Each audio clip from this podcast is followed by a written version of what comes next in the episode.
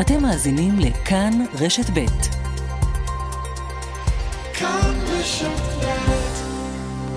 אתם מוזמנים להאזין בשידור חוזר לתוכנית שבת עולמית עם יצחק נוי, זיכרונו לברכה. והיום, מתוך סדרת המשדרים, ראיון על שתי רגליים עם הפרופסור שבח וייס, שהלך לעולמו בשבוע שעבר.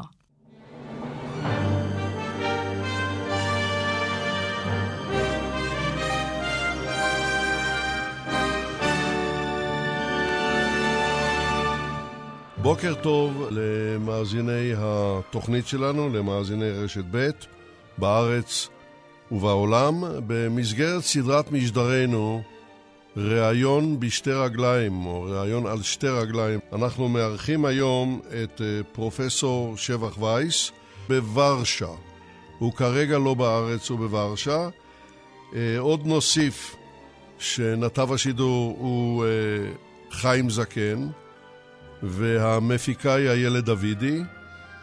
ואני מתחיל ואומר לך, פרופסור שבח וייס, בוקר טוב. בוא קודם כל תרשה לי להציג אותך למאזינים, אה, לא שיש צורך רב, אבל הסדר הטוב מחייב. פרופסור וייס היה יושב ראש הכנסת ה-13 הוא uh, יליד פולין, נולד ב-1935, עלה לארץ ב-1947. Uh, אנחנו אולי גם נדבר על זה, הוא היה חניך סניף חיפה של הנוער הקומוניסטי. Uh, הוא רכש את תואר הדוקטור באוניברסיטה העברית בירושלים ב-1969. הוא היה מרצה עדיין באוניברסיטת חיפה.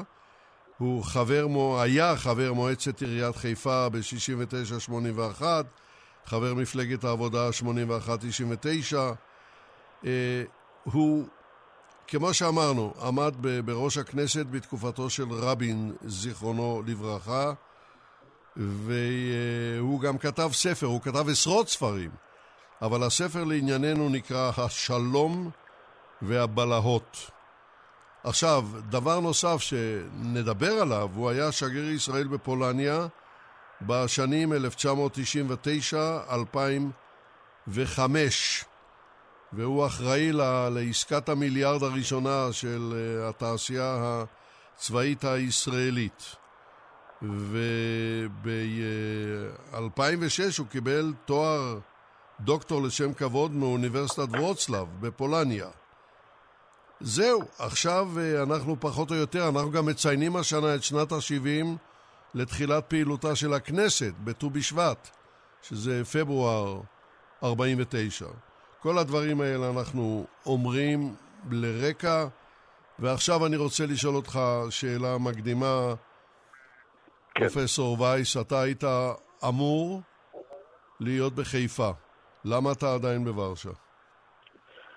אני גר בחיפה, אבל השארתי כאן בפולין, אחרי השירות הדיפלומטי שלי, איזשהו, איזושהי, הייתי אומר, ערוץ תקשורת לנוער הפולני, בוא נאמר כך, ביוזמת נשיא פולין אז, אלכסנדר קושניבסקי, ונשיא אוניברסיטת ורשה, פרופסור פיוטר ונגלנסקי, הם הציעו לי אז לכונן באוניברסיטת ורשה מרכז לחקר מדינת ישראל והציונות, וכמובן לזה מתקשר בהבלטה מסוימת הייחוד של יהדות פולין בתקומת ישראל. בהקמת הבית השלישי כמובן, יש פה סיפור דמוגרפי, היסטורי אה, מורכב ומרתק, ואני הסכמתי. טוב, עכשיו כמובן, אה, על פי גילי, הזכרת בדיוק את שנת ההולדת שלי. אני בא לכאן מדי פעם בפעם. יש לי מאות תלמידים במרכז הזה ודוקטורנטים. אני מקים והקמתי כאן כבר איזה דור של חוקרים שהם ימשיכו את המפעל הזה, ואני חושב שזה די חשוב. גם על רקע העבר, ההיסטוריה שלנו, שהיה בה פעם הכל, ואחרי השואה נשאר לא כלום כמעט, וגם על רקע אפילו היחסים האקטואליים שהם מורכבים מאוד בשעה זאת. אז אני מדי פעם בפעם איכשהו מגיע לכאן. בוא נאמר שזה די קשה. נראה, אולי עוד כמה חודשים, אולי עוד קצת יותר. נראה, איך אומרים אצלנו, ודאי בחג הסוכות, אפשר לומר בעזרת השם. מה מצב הבריאות שלך, פרופסור וייס, אם מותר לשאול? לא יודע. תראה, אני, יש לי, אני סוחב איתי אה, אה, שק של, של, של שנים, כן? וכמובן שזה נתן את אותותיו.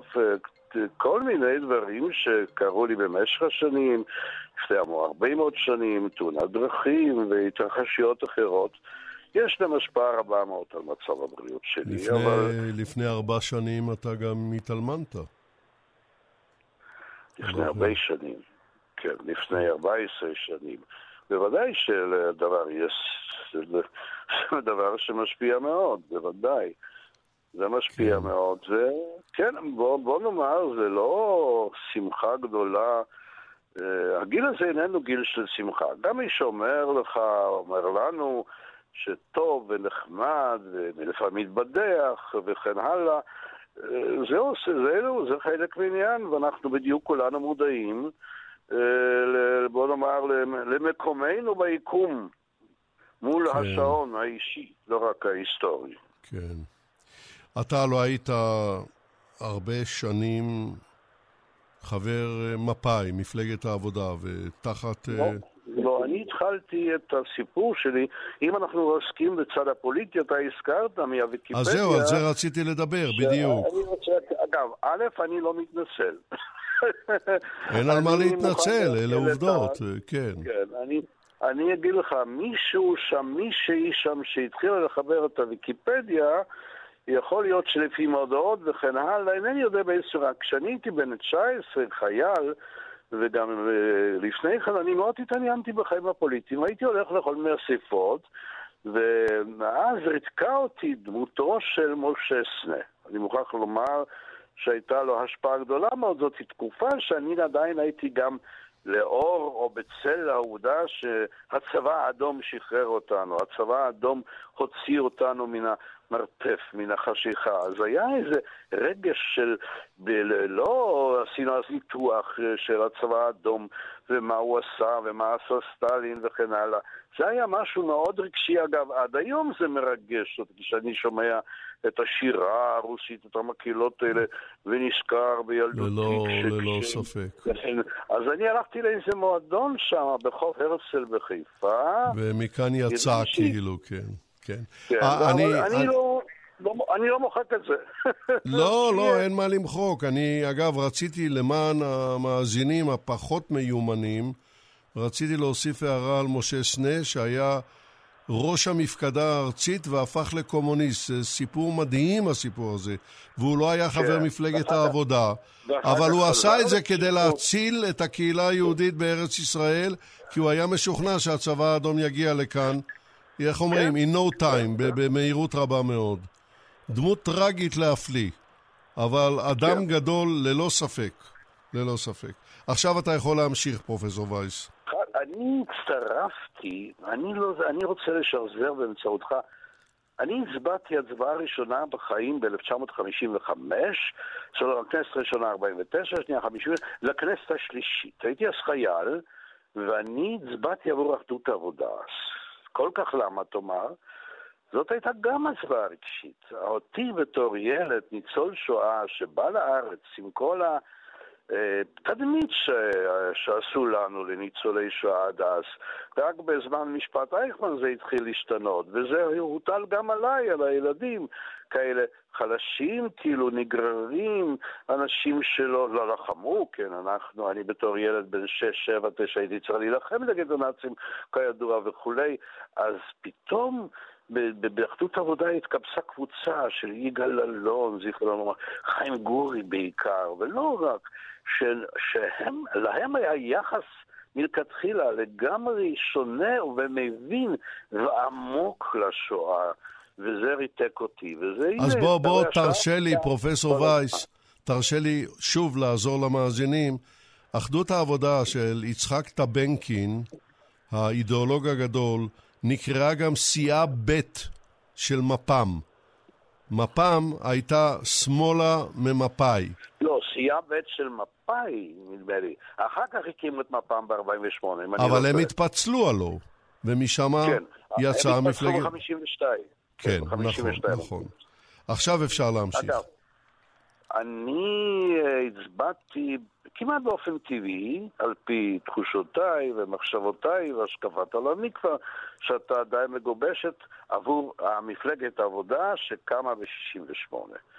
זה היה הסיפור, ומאז אני מצביע, אני הצבעתי גם בבחירות האחרונות שתי פעמים עבור מפלגת העבודה, אני נאמן.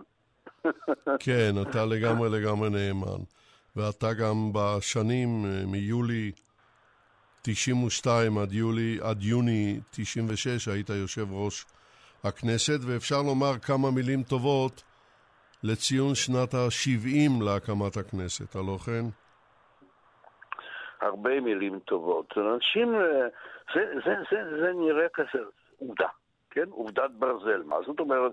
ברור שהיהודים באמצעות התנועה הציונית, פה ושם בשותפות עם תנועות אחרות, מכוננים מחדש את הבית השלישי, הוא, הוא דמוקרטי, אין ספק, אבל זה לא כל כך היה ברור.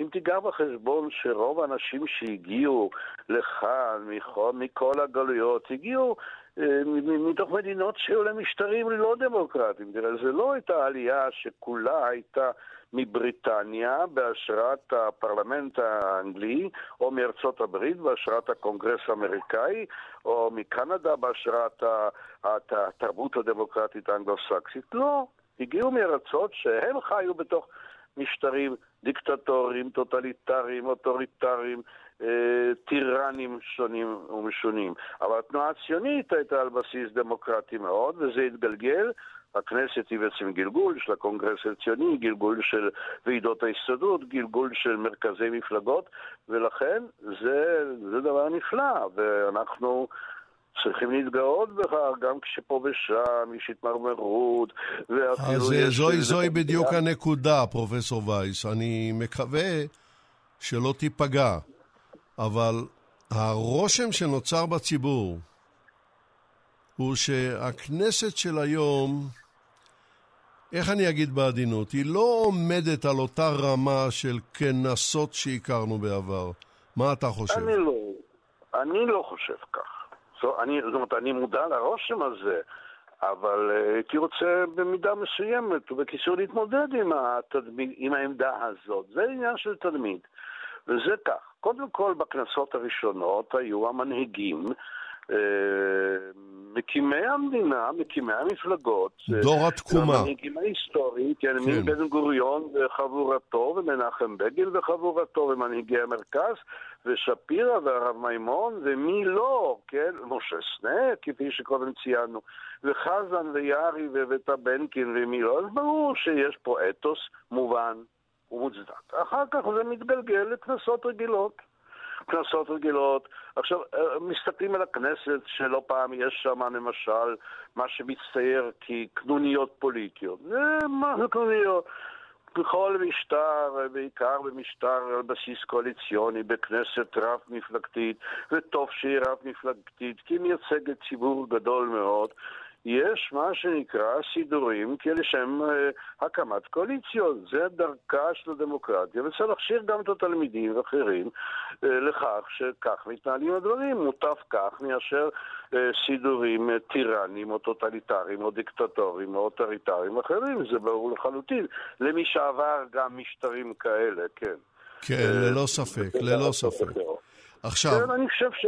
כן, אני חושב שכנסת, יושבי ראש הכנסת, ועדות הכנסת, יש, שיש תמיד מנהיגות בכנסת שהיא מובילה את החקיקה. אגב, חקיקה מופרזת, זה עניין אחר, אולי פעם נעיר על זה הערה אחת. אני, לי יש דעה טובה לכנסת. כן, בהחלט. עכשיו, אני רוצה לעבור לאירוע שקרה כשאתה חבר הכנסת האחת עשרה. והאירוע קשור למי שהיה מזכיר האו"ם קורט ולדהיים. אתה בוודאי יודע על מה אני מדבר.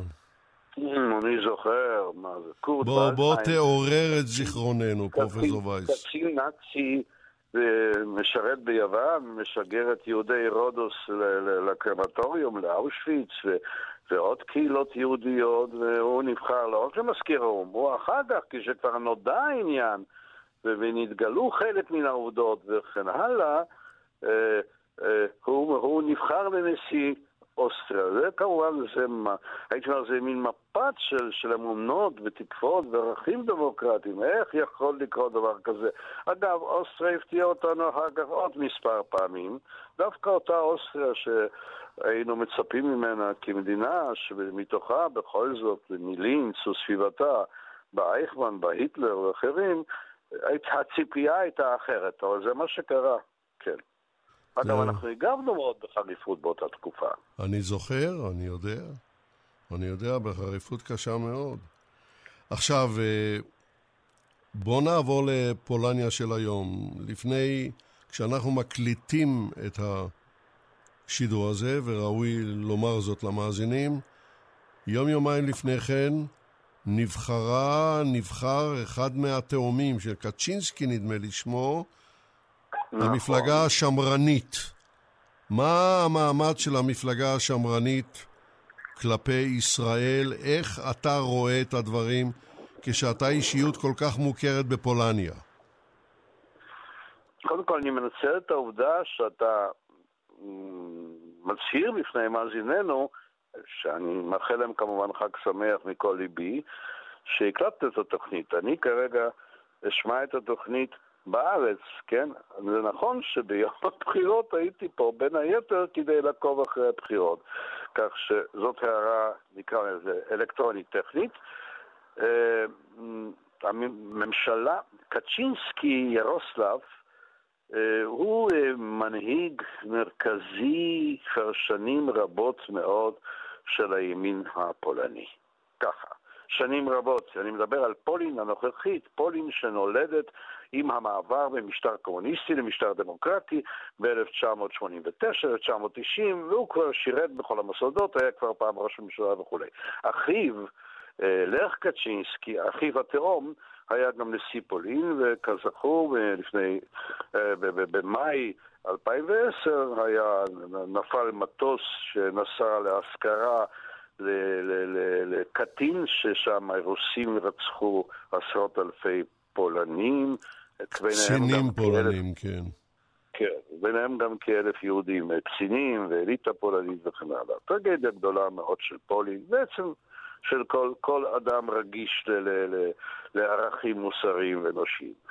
בכל מקרה, אה, והמפלגה הזאת אה, שלטה בארבע שנים האחרונות, היו בחירות והיא נבחרה ואפילו הגבירה את הרוב שלה. עכשיו, המפלגה הזאת היא מסתמכת על אהדה של הרבה עיקרים, או דרי כפרים שאינם עיקרים, דבר מאוד פופולרי בפולין, אה, חלק מהמאפיין של החברה הפולנית. אה, חלק מה... כמובן שהיא מאוד קשורה לכנסייה, לרוב אנשים דתיים. הכנסייה הקתולית. היא קתולית, בכלל פולין מאוד קתולית. פולין בכלל, אה, היא, יש בה מידה רבה מאוד של אחדות ואחידות בהקשר הזה.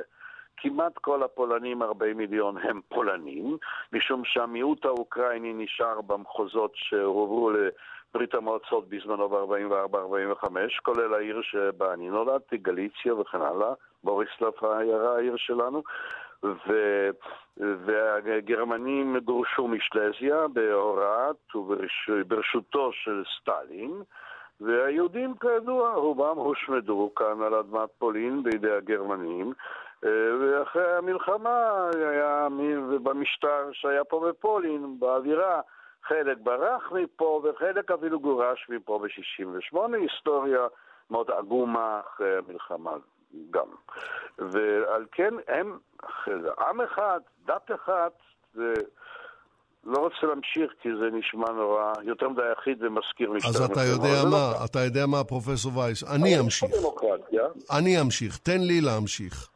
אתה דיברת לא. על כך שהתמיכה בנשיא בקצ'ינסקי ובמפלגה הימנית באה מאנשי הכפרים ודרי לא, הכפרים. לא.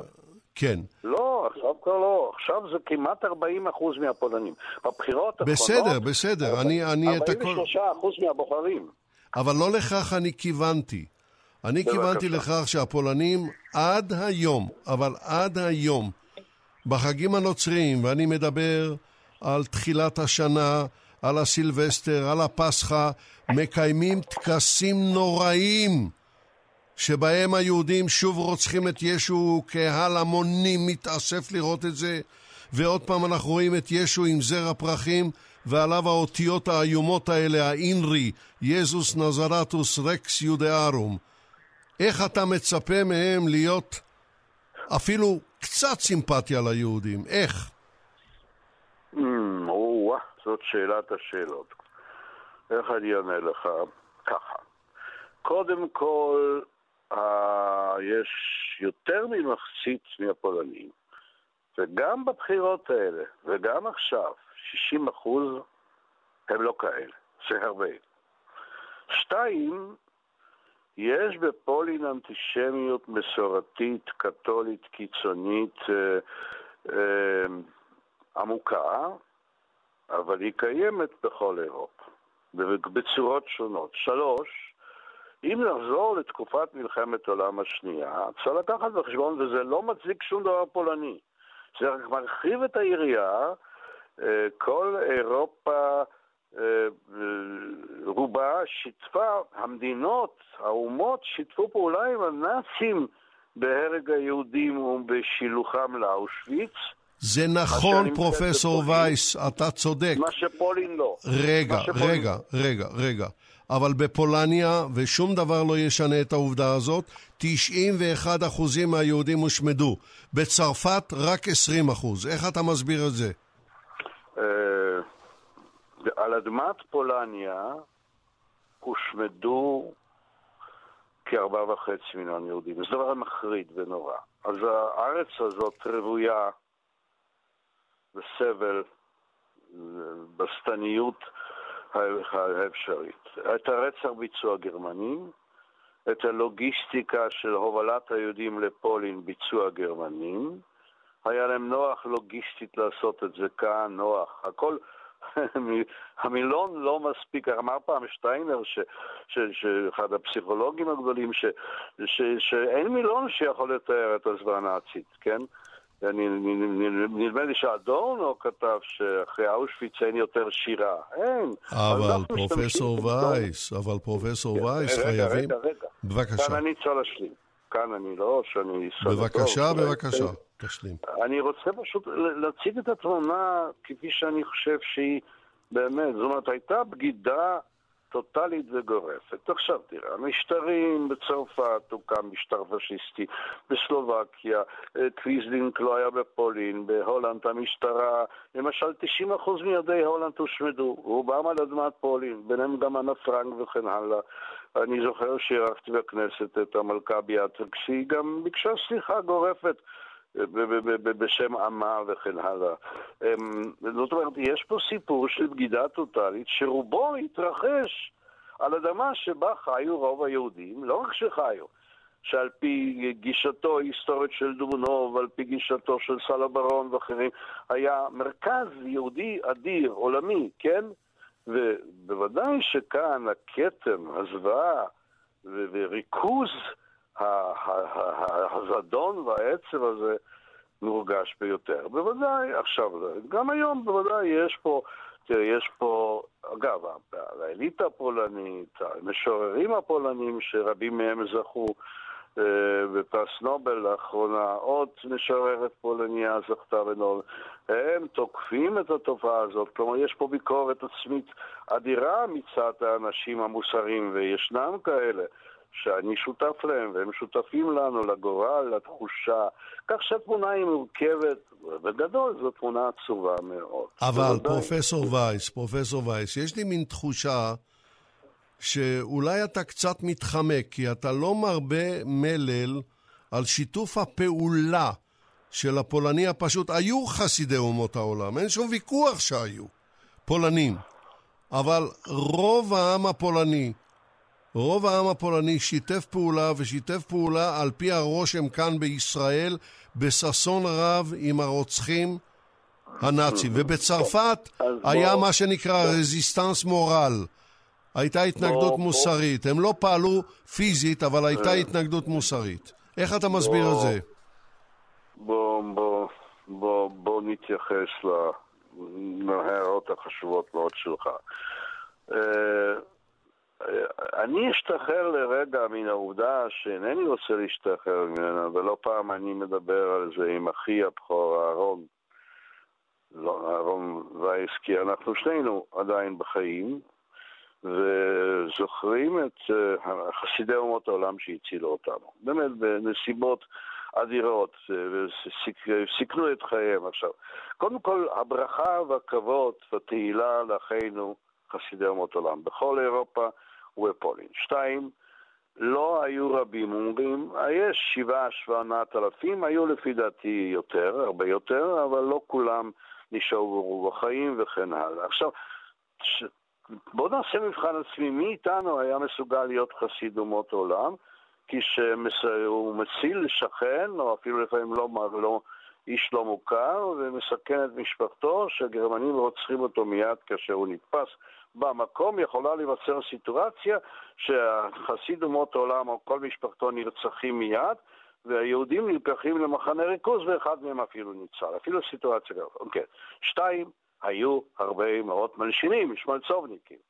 שלוש, היו הרבה מאוד קורבנות. שלושה, ארבעה, חמישה מיליון פולנים נרצחו על ידי הנאצים באופן שיטתי. אין עוד עם בעולם זולת העם היהודי שהגרמנים אה, בהתמדה רצחו אותו והיה להם תוכנית לרצוח הרבה יותר פולנים. אה, ארבע, היו אה, כאלה שעסקו כל הזמן בהצלת גורלם. היו ודאי מיליונים שסמכו לעידה של ה... לעידו של הטבח הנורא. עכשיו סטטיסטית קשה לחלק, אני מציע לראות את זה על רקע פולני מובהק או על רקע של הבגידה. תראה, אתה בתוכניות שלך מספר פעמים, אני אומר זה כי מאזין קבוע, הזכרת את ההתנהגות של הקונגרס האמריקאי, של, של ההנהגה האמריקאית לנושא השואה, את התנהגותו של רוזלט, כלומר, היו דרגות שונות, מה שקרסקי סיפר לו על מכונת הריכוז, והוא לא בדיוק הגיב כפי שאנחנו ציפינו, היה לזה כל מיני סיבות. היו דרגות שונות של הפניית עורף לגורל היהודי, ואחת הדרגות הנוראות זה שיתוף פעולה, והלשונה היו הרבה מאוד תופעות כאלה בפולין, ללא ספק, יותר מדי.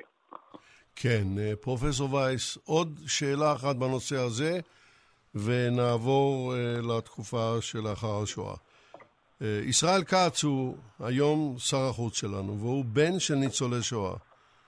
אתה נכון. היית, אתה היית במקומו, הלוא גם אתה דיפלומט והרבה יותר ותיק ממנו. אתה היית במקומו מדבר אחרת? בגנות הפולנים? תראה, אחרי. חקיקת החוק החדש לפני כשנתיים כאן, מה שנקרא נובליזציה של חוק אה, אה, EPN, EPN זה המוסד של ה...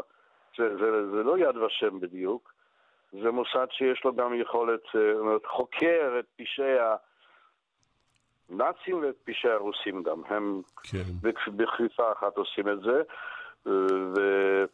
והחוק הזה בא לומר שכל מי שיאשים את פולין ויאמר שמחנות הריכוז הם פולנים עובר עבירה פלילית, ובהצהרה משותפת בעקבות החוק שחתם ראש הממשלה שלנו, בנימין נתניהו, עם מתאוש מרוויצקי, ראש ממשלת פולין, שנבחר כנראה, כנראה ישרת גם בשנים הקרובות, לפי תוצאות הבחירות האחרונות בפולין, שם.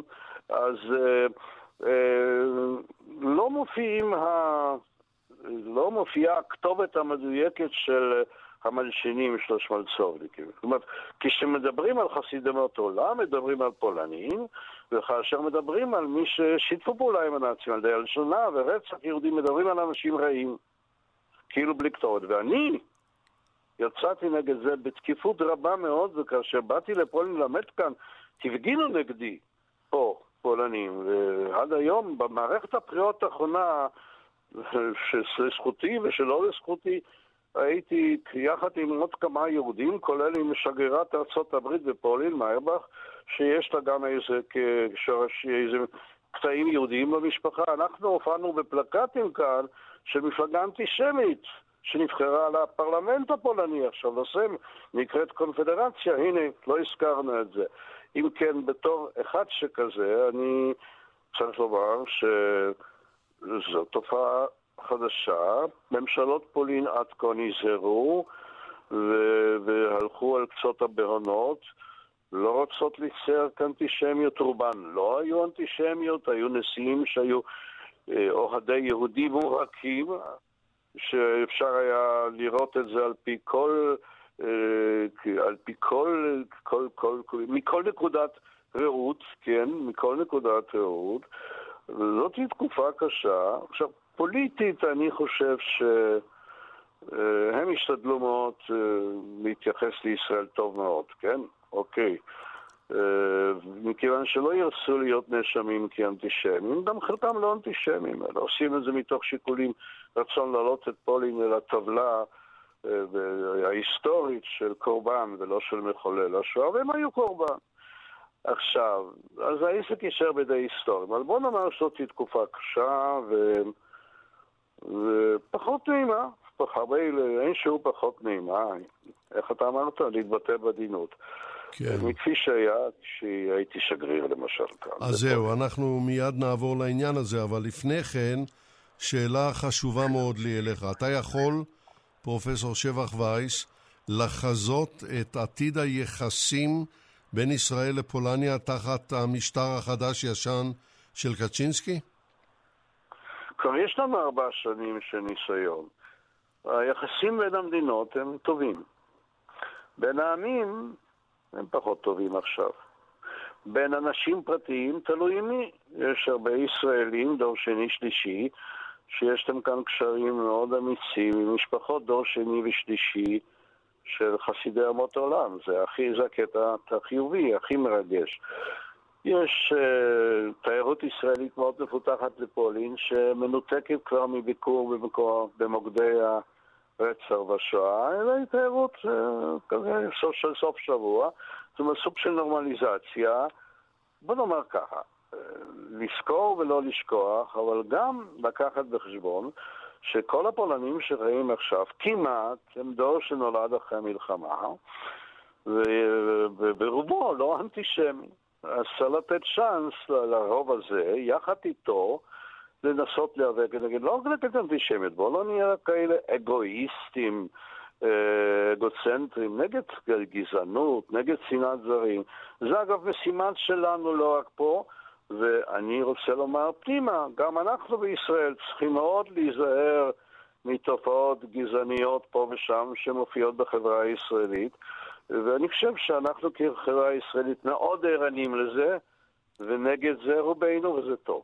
ככה צריך כן, להיות. כן, ללא ספק. עכשיו, לגבי uh, טיולים של תלמידי uh, תיכון, חיילים וקבוצות אחרי, לא טיולים, אלא סיורים באושוויץ.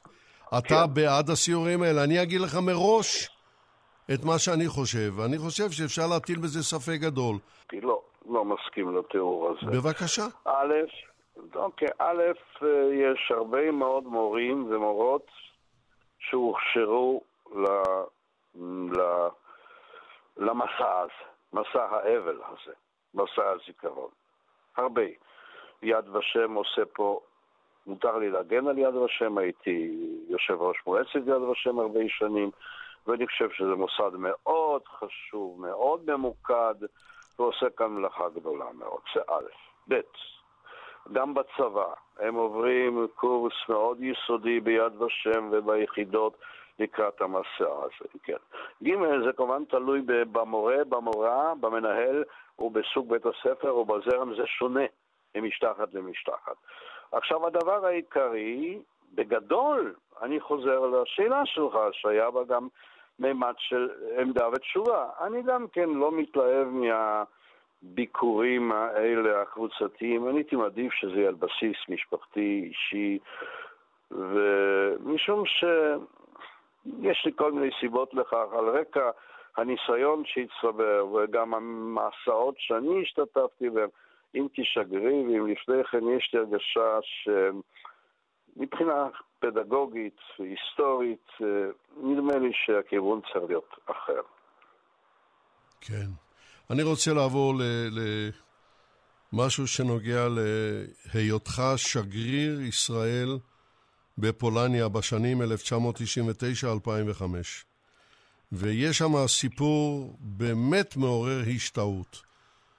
הסיפור הראשון הוא מתחיל... 2000, רגע, 2000, שנים 2001-2004. 2001, טוב בסדר, אז אני פספסתי כן. בשנה כן. אחת, כן. לא קרה שום דבר. כן. אתה שגריר ישראל בפולניה, ויש לנו סיפור מדהים. הסיפור מביא אותנו ליהודה ארזי, שהגיע לפולניה לפני פרוץ מלחמת העולם השנייה, ובגלל הקשרים המיוחדים שהיו לו עם הצבא הפולני, עם אחת השלוחות שלו, הצליח לקבל מהתעשייה הפולנית להבריח מכונות לכדורי תשעה מילימטר ולהתקנת תתי מקלעים. זו הייתה התחלה של תעש הלא חוקי בתקופה של המנדט הבריטי. עבור לשבח וייס בשנות האלפיים, שהוא שגריר ישראל בפולניה, ובתקופתו פולניה קונה מישראל, מהתעשייה הצבאית הישראלית, טילים נגד טנקים בעסקה של מיליארד דולר ויותר. זה אחד הדברים המדהימים ביותר. מה החלק שלך בעסקה הזאת? אה, קודם כל, החלק שלי הוא חלק מסוים. בוא נאמר לא קטן, אני צריך להזכיר את אלופת משנה אדי ורשצקי, שהייתה אז נספחת הצבאית ועשתה בתחום הזה עבודה יוצאת מן הכלל, וגם נציגי רפאל כמובן. אה, עשינו את זה יחד. יחד בהחלט אני שותף לזה, אבל רק שותף. שתיים, אה, אין ספק שמעמדי המיוחד כאן בפולין, שיש לו רקע, אוקיי, דיברת על כך, סייע, וגם העובדה שאז היה נשיא ידידותי מאוד כלפי ישראל, אלכסנדר קפשניבסקי, הוא היה בתוך העניינים, וסגן שר ביטחון פולני מאוד קרוב אלינו בשם זמקה ואחרים. אה, דבר שלישי, אנחנו שנינו צריכים לציין שזה גלוי, וזה הופיע בכל העיתונות, שאנחנו חלילה לא מגלים כאן סודות צבאיים. דבר רביעי, זה נעשה בחוכמה, משום שזה גם הועיל לפולנים. זה היה ווין ווין, זה על בסיס אופסט. זאת אומרת, מהנדסים שלנו, מהנדסים פולנים, עבדו יחד, אנחנו אה, בכסף שהם שילמו לנו, קנינו בפולין כל מיני דברים שאנחנו נוהגים לקנות בפולין וכן הלאה. העסקה נמשכת עד עת הזאת, כי היא ארוכת טווח, ושני דברים. א', הערה אידיאולוגית. פתאום אני... מוכר נשק, כן, לפולדים, נשק, נשק קטלני, רקטות ספייק, ש... ש... אז יש שיר פולני שאנחנו, המנגינה הזאת היינו רוקדים בנעורינו בארץ לפעמים, בהשראת הציבור הגדול שבא לפולין, קוראים לזה קרקוביאק, אני לא יודע אם אתה זוכר. אני זוכר, כן, בוודאי. כן, המילים שמה, שהלוחם שלוחם שם, אה, הייתה לו חרב כמובן, נו, איך פולני בלי חרב? והוא שבע שנים לא שלף אותה, משום שהוא, כן, זה מין צחוק כזה, לעג כזה, והוא שבע, והיא אה, העלתה חלודה. אמרתי, ציטטתי את השיר הזה, אפילו שרתי להם בטקס שהשתתף בו נשיא פולין קשניבסקי, ואמרתי, אני מקווה שגורל העסקה יהיה כגורל האיש הזה שהוא גיבור השיר, שהספייקים יעלו חלודה, ואז אני אוכל למכור לכם עוד. זה הצד השלומי. כן, צריך כאן אולי בהזדמנות, ה... בהזדמנות הזאת אתה, להוסיף... אתה ציינת, כן. אתה ציינת את הרזי ואת ההקשר הפולני. ודאי שיהיה לזה משקל שמהנדסים משני הצדדים באים לכאן ומדברים פולנית. בוודאי, תראה, אין ספק. אבל, אבל, אבל פרופסור וייס, היה לזה גם משקל גדול מאוד שג'נרל אלקטריק התחרתה ברפאל. זה לא דבר פשוט. שמה? שהחברה האמריקנית, גם היא רצתה למכור טילים. ובכל זאת הפולנים קיבלו את הטילים לא הישראלים. נדמה לי שזה לא התחום היחידי שעם ארצות הברית, ידידותינו הגדולה והמופלאה, נמצאת בניגוד אינטרסים ישראל בתחום הנשק, נכון? בוודאי. בוודאי, אבל... אבל זה, זה היה בולט מאוד. בוא ברשותך כן. נחזור למלחמת העולם השנייה, שאתה, היא וואי. בשבילך התקופה הפורמטיבית. אבל אני רוצה לדבר על עניין פולני, לא יהודי.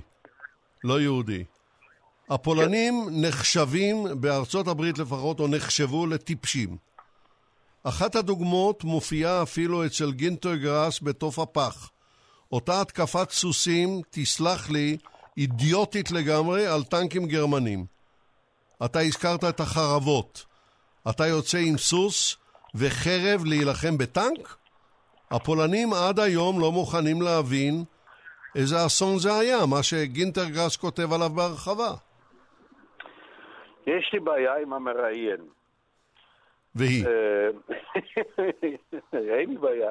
אנחנו כל כך הרבה שנים משוחחים בשידורים ובאופן אישי. בוודאי. אבל אני אומר כך, יש לך שפע של דעות מוצקות, לא חיוביות על הפולנים בכללה רבה, ואתה בעניין זה מייצג את הרוב היהודי, אני חושב. אבל העובדות הן כאלה. א', זה נכון, הצבא הפולני בחלקו היה בנוי על פרשים אמיצים. דרך אגב, נכון שגם הצבא הרוסי, היו שם אוגדות אדירות שלמות, פוטיומקים אחרים שלחמו על סוסים אחרי שהטנקים עשו את הפעולה הראשונה. זה קצת מזרח אירופי. שתיים, הפולנים לחמו ככל יכולתם, הרבה יותר בגבורה מהצרפתים והבלגים וההולנדים ואחרים בכך, שנכנעו בכך אין, מיד. אין ספק בכך.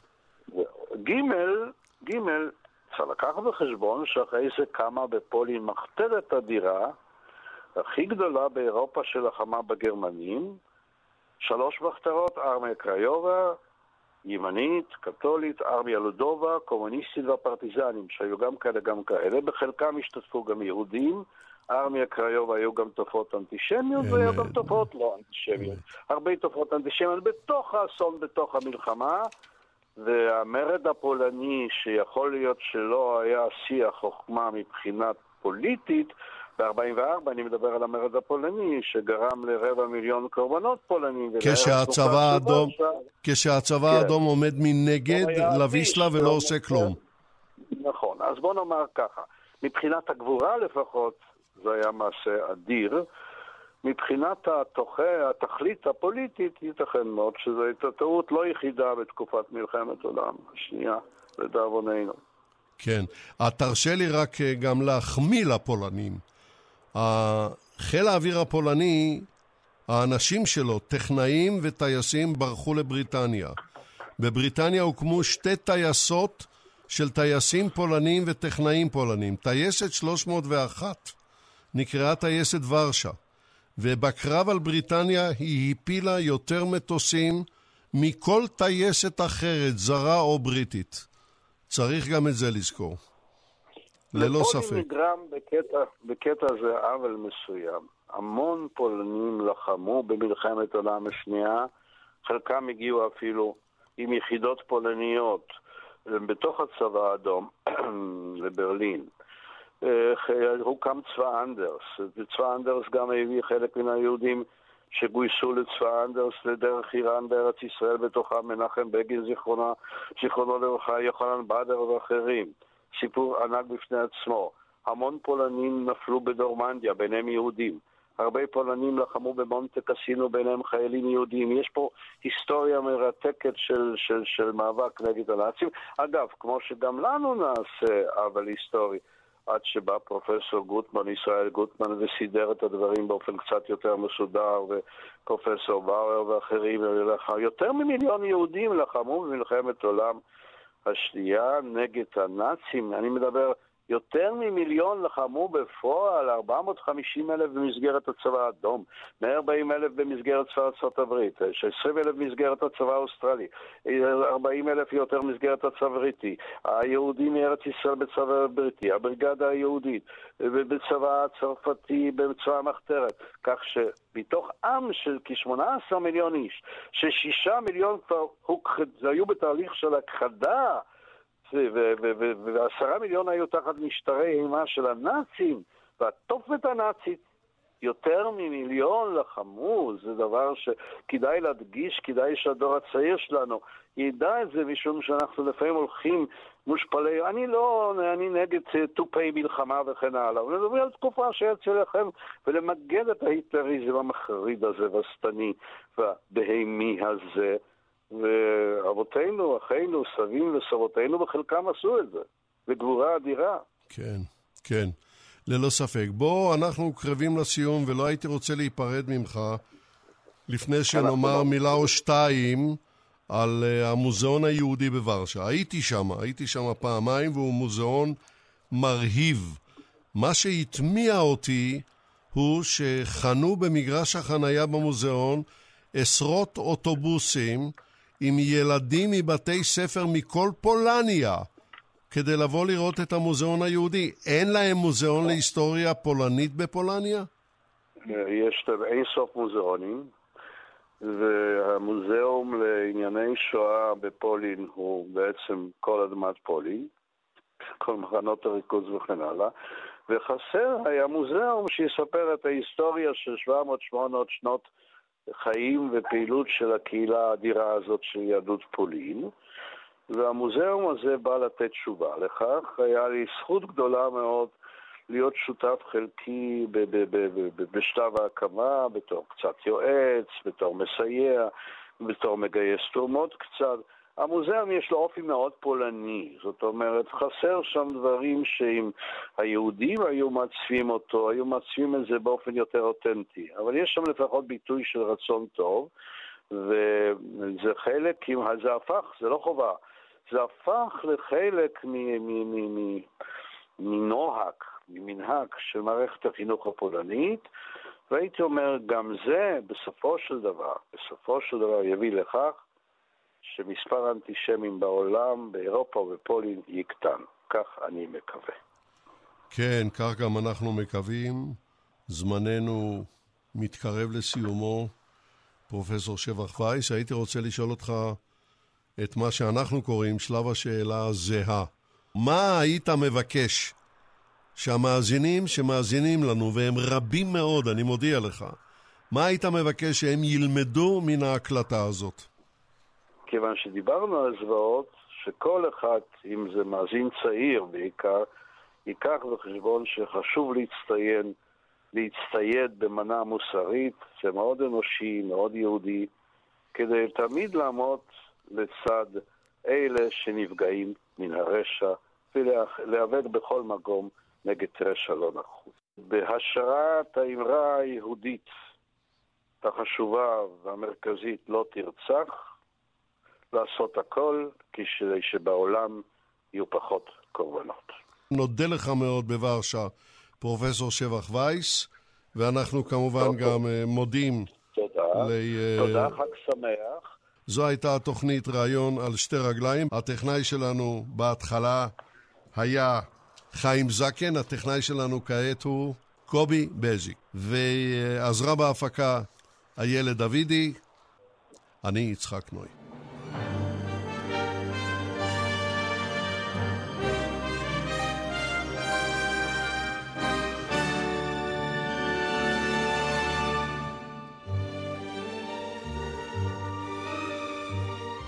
עד כאן שבת עולמית עם יצחק נוי, זיכרונו לברכה, בתוכנית שהוקלטה בשנת 2019 עם הפרופסור שבח וייס, שהלך לעולמו בשבוע שעבר.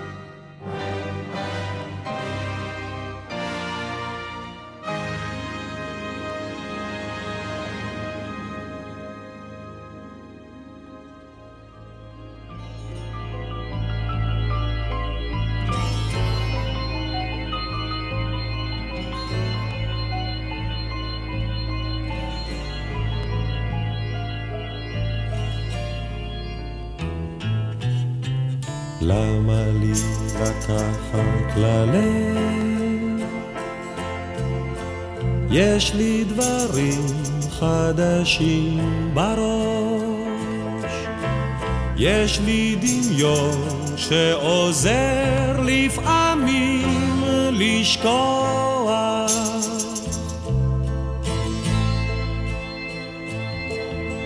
למה לי לקחת ללב? יש לי הרבה לאהוב מראש.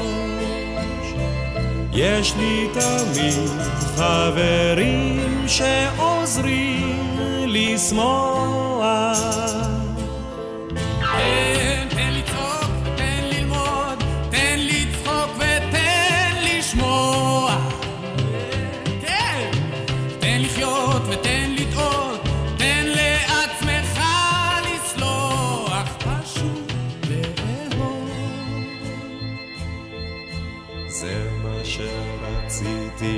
יש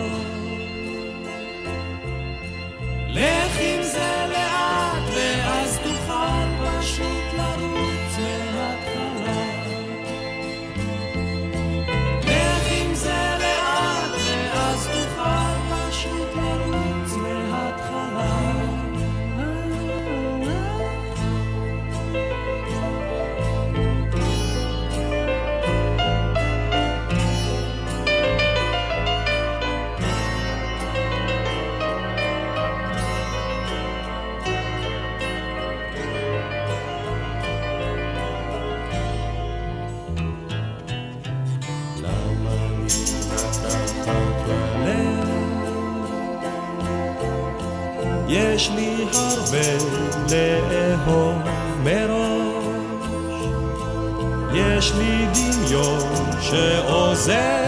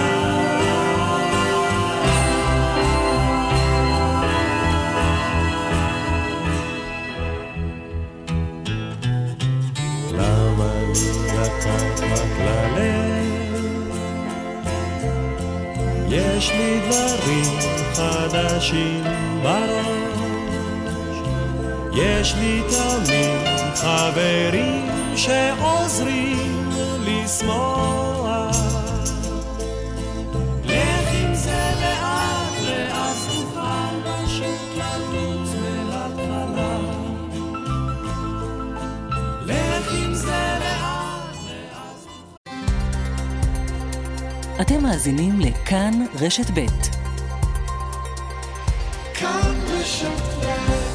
אתם מוזמנים להאזין בשידור חוזר לתוכנית שבת עולמית עם יצחק נוי, זיכרונו לברכה, לציון 80 שנה למותו של אברהם יאיר שטרן. התוכנית הוקלטה בשנת 2022.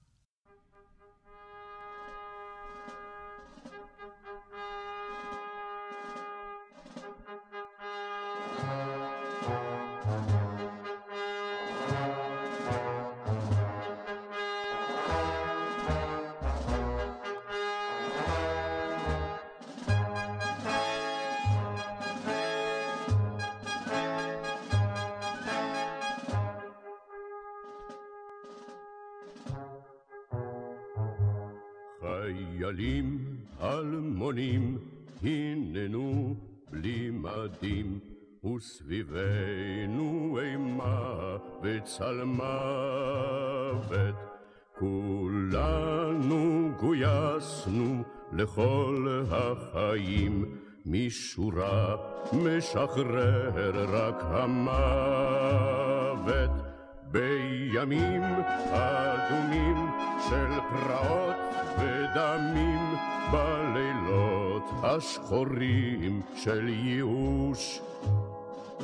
בערים, בכפרים, את דגלנו נרים, ועליו הגנה וכיבוש.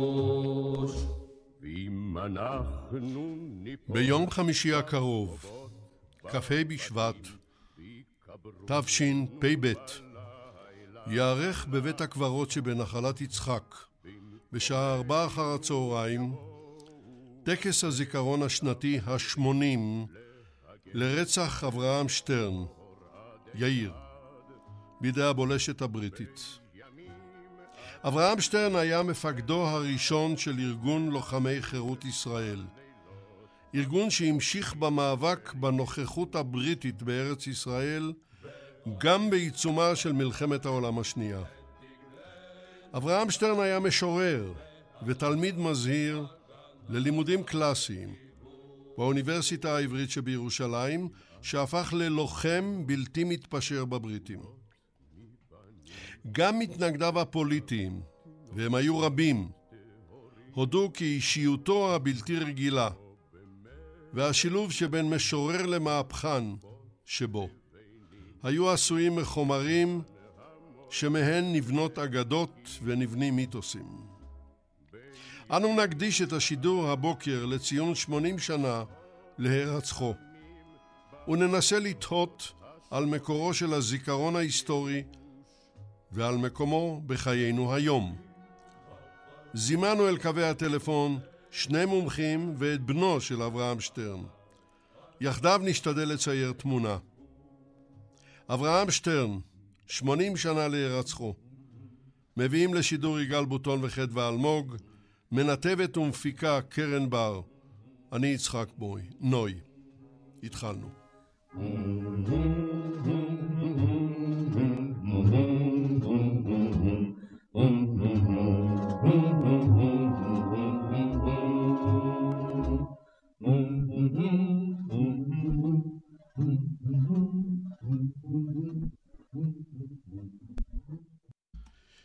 יאיר שטרן, בוקר טוב לך, שבת שלום.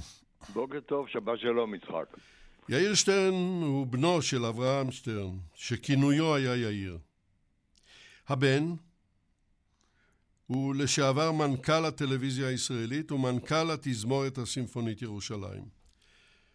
והשאלה הראשונה אליך, יאיר שטרן, אביך אברהם שטרן כמהפכן. בוא נשמע כמה מילים.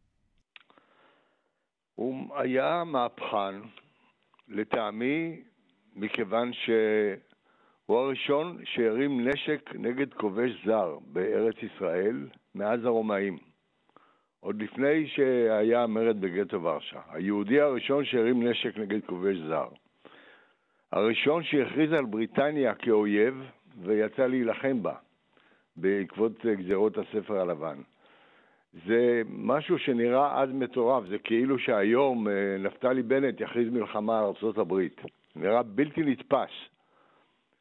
אבל המהפכה הזאת הייתה מבוססת על uh, תורה שלמה, על מניפסט שהוא כתב, שנקרא עיקרי התחייה, ואני אקרא רק משפט אחד ממנו. הוא אומר, יאיר, את ארץ ישראל כבש ישראל בחרב. בה היה לעם, ובה בלבד ישוב לתחייה. לפיכך יש לישראל ורק לו זכות הבעלות על ארץ ישראל, זכות זאת היא מוחלטת, היא לא פקעה ולא תוכל לפקוע לעולם. התורה כולה על רגל אחת, הארץ היא שלנו, לא יהיה כאן כובש זר. וכמובן, כשמסביב יהום הסער, כשמלחמת העולם משתוללת, מצד אחד באירופה, ומצד שני האנגלים פה יוצאים עם גזרות הספר הלבן, שאוסרות על, אה, על עלייה לארץ ישראל, שאוסרות על אה, הקמת יישובים חדשים, על, על רכישת אדמות וכולי. אה, הוא ראה שחייבים לצאת למלחמה. כן. רק נוסיף שהספר הלבן הוא השלישי שבחבורה מהעיקריים, והוא התפרסם ב-1939. נכון. רק את הדברים האלה נזכיר. יישאר איתנו על הקו, אני רוצה לעבור ברשותך כעת לדוקטור אופירה גרובייס קובלסקי. דוקטור ב... גרובייס, שלום לך, בוקר טוב, שבת שלום. בוקר טוב יצחק ובוקר הרשי, טוב למאזינים. הרשי לי להציג אותך למאזינים. אה, דוקטור גרובייס היא מרצה בכירה במכללה האקדמית צפת ועמיתת מחקר במוסד הרצל באוניברסיטת חיפה. בואו ונמנה שניים מספריה, הצודקים והנרדפים, הוצאת אוניברסיטת בן גוריון בנגב, 2015, והספר שעומד לראות אור ממש בימים אלה, נשים בימין החילוני, בין יישוב למדינה, הוצאת אוניברסיטת בר אילן. אגב, כתב היד של הספר זכה בפרס הקתדרה לתולדות הקרן הקיימת באוניברסיטת בר אילן. והשאלה אלייך, דוקטור גרובייס, איך הפך אברהם שטרן יאיר, כינויו, למיתוס? איך? השאלה שלך היא שאלה מאוד גדולה, זה סיפור מאוד מורכב, כי מיתוס זה דבר שצומח על ידי מאבק פוליטי בין שני גורמים, ויש לנו כמה גורמים כאן שנאבקו על הסיפור, או נאבקו נגד הסיפור. אה, יש לנו את הוויכוח בתוך הימין עצמו, מהו המיתוס, מהו הסיפר, על מה אנחנו מדברים, ויש את המאבק בין, בין הימין והשמאל, האם להכליל אותו בסיפור, ואם כן, איזה סיפור אנחנו ניצור סביב הדמות שלו. עכשיו, למאבק הזה אה, לא תמיד יש קשר למציאות, לצורה שמייצרים את הדמות שזוכרים. אה, זהו מאבק פוליטי בעיקרו. עכשיו, בתוך, בתוך הימין אה, הוויכוח עוד יותר מורכב, כי גם בתוך הסיפור של אנשי הלח"י עצמם, אלה שנשאו את הזיכרון של יאיר, לא היה ויכוח אולי על הדמות שלו ועל הראשוניות שלו ועל אה, כל התיאור שנתן אה, אה, מר יאיר שטרן. אה, על זה לא היה ויכוח, אבל בתוכם, מכיוון שהיו שם שתי קבוצות של... אה, של הימין הרדיקלי אל מול השמאל הרדיקלי, אז הוויכוח, הוויכוח היה מי, אה, שלהם היה יאיר בדמות הזאת של המורד הראשון, האם הוא היה יותר בשמאל או היה יותר בימין, וזה ויכוח קשה, שבמידה רבה הוויכוח הזה הוא זה שאפשר לימין, למרכז ימין בראשות מנחם בגין להשתלט על המיתוס של יאיר ולהיות המייצגים שלו במהלך השנים. אני לא בטוח שאני מצליח לעקוב אחרייך. אני יודע אבל שהלח"י, לוחמי חירות ישראל, הארגון שהקים יאיר שטרן, היה יצור מוזר מאוד. מוזר מאוד. הטריומווירט, השלישייה ששלטה בלח"י, הייתה שייכת גם לימין וגם לשמאל. נכון, יש כאן... אה, אה, איך אני... את מסבירה את הדבר הזה? 아, אה, במהלך השנים הם, האידיאולוגיה שהם הציגו, שאפשרה, שאפשרה לשני הצדדים להתחבר משמאל ומימין, היה המאבק בקולוניאליזם הבריטי.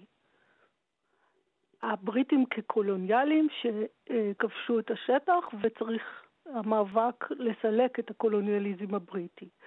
עכשיו צריך גם לזכור שגם השמאל, אם אנחנו מסתכלים על השמאל, יש שמאל ציוני בועט ו... ופועל ש... שהוא חלק מהמאבק להקמת המדינה. זה לא היה משהו כל כך ש... יש שמאל שמתנגד ויש ימין שבעד, זה לא, זה לא הסיפור. ולכן יש לנו את הנקודות חיבור. היה נקודות חיבור בין, בין אנשי פלמ"ח אפילו עם אנשי לח"י. החיבור שלהם היה אה, במידה רבה התחיל קודם, במהלך השנים, וגם ב-48' אנחנו רואים את זה, הרי אנשי לח"י משתלבים בתוך היחידות של. של הפלמ"ח. הקשר איתם היה קשר של לוחמים, ש, של אנשים נועזים, שיוצאים נגד הקולוניאליזם הבריטי. כן. כך שיש לנו, לנו חיבור באמת מעניין בתוך ה... גם חיבור אינטלקטואלי. אנחנו צריכים לזכור שאנשי לח"י אולי היו מיעוט, אבל היה שם ריכוז מאוד גבוה של אינטלקטואלים שאחר כך משפיעים בצורה מאוד משמעותית על התרבות הישראלית, נרצה או לא נרצה, אבל, ושוב, הם מגיעים גם משמאל וגם מימין. יש לנו את עמוס קינן, לדוגמה, יש לח"י. יש, יש עוד רבים אחרים שמגיעים, ו, וישראל שייב, אה, דוקטור ישראל שייב אה, אלדד, שאין ספק שהשפעתו היא גם כן רבה. הצירוף הזה הוא צירוף מצד אחד אינטלקטואלי, הוא צירוף אה, אה, אידיאולוגי, שהמאבק, זאת אומרת, המאבק הוא להקים מדינה, וכרגע לא מסתכלים על הפרטים הקטנים, אני מאמין יותר לכיוון הזה או לכיוון הזה. עכשיו, מדינה עכשיו, זה המאבק הגדול. כן, אבל השאלה היא, האם ככלל אנחנו יכולים לומר שגם הקיבוץ הארצי, מפ"ם, משתתפים ב, בתנועה הזאת ליצירת מיתוס מדמותו של אברהם שטרן?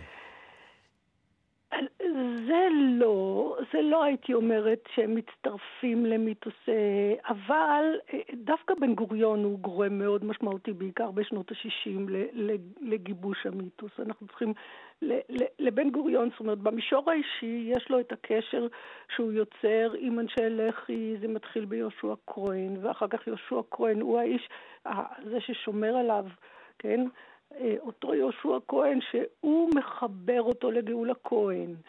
ו, ו, וגאולה כהן ב, ב, באירוע מתוקשר ביותר נותנת לו את הספר של הסיפורה של לוחמת. ו, אה, ובן גוריון כותב ביומנו פתאום, אני מדברת החל מ-61, כן, הוא כותב ביומנו על, על שטרן, ו, והוא מציג אותו כדמות של גיבור. בלי כן. קשר, הוא לא מסכים, הוא אומר, אני לא מסכים עם הדעות שלו, אבל, אבל אין ספק שהוא היה גיבור. בואי רק תרשי לי להזכיר למאזינים שיהושע כהן הוא האיש שמיוחס לו, אני נזהר כאן, מיוחסת לו ההתנגשות בפולקה ברנדות. נכון. אז בואי נעצור כאן לרגע, אני רוצה לעבור לעד השלישי שלנו, והוא פרופסור אודי לבל. בוקר טוב גם לך, שבת שלום. בוקר טוב. אני רוצה להציג אותך למאזינים, אני מקווה שהטלפון האלחוטי יעבוד כהלכה.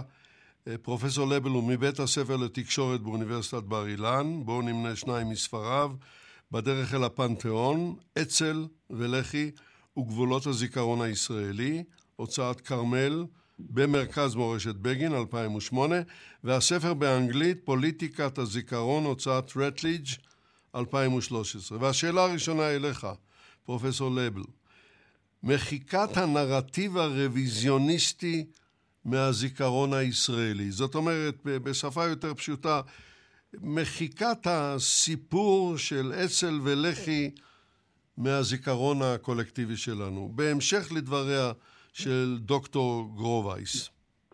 מה אתה אומר? תראה, אני ארשה לעצמי להתייחס ישירות גם לדמותו של יאיר, אם, אם זה בסדר, כי אנחנו בכל זאת מדברים גם על דמותו... הכל בסדר, אתה יכול לומר מה שאתה רוצה. האינדיבידואלית, ולא רק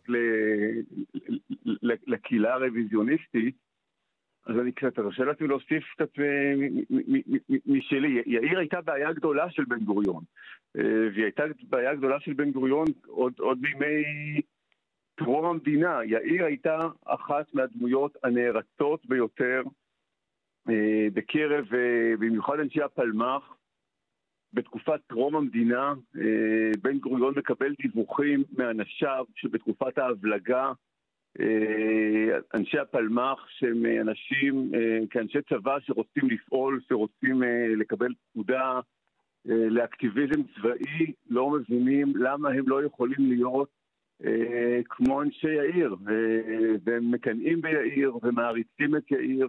ומקנאים במה שעושים אנשי הלח"י, ואנשי הלח"י ויאיר בראשם אה, מהווים סוג של מושא לקנאה ומושא להערצה, וכל מה שיאיר מייצג מהווה סוג של בעיה מאוד מאוד גדולה עבור בן גוריון, זה צריך להגיד כל הזמן.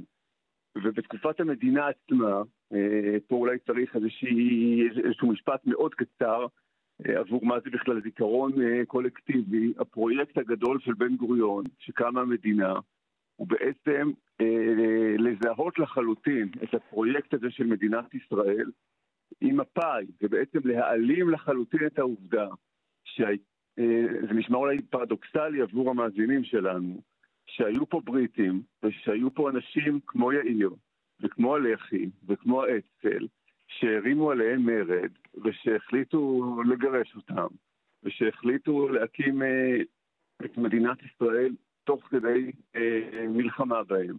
ובעצם לזהות את כל הפרויקט הזה של הקמת מדינת ישראל רק עם מפלגה אחת, כדי לקצור מהדבר הזה הון פוליטי.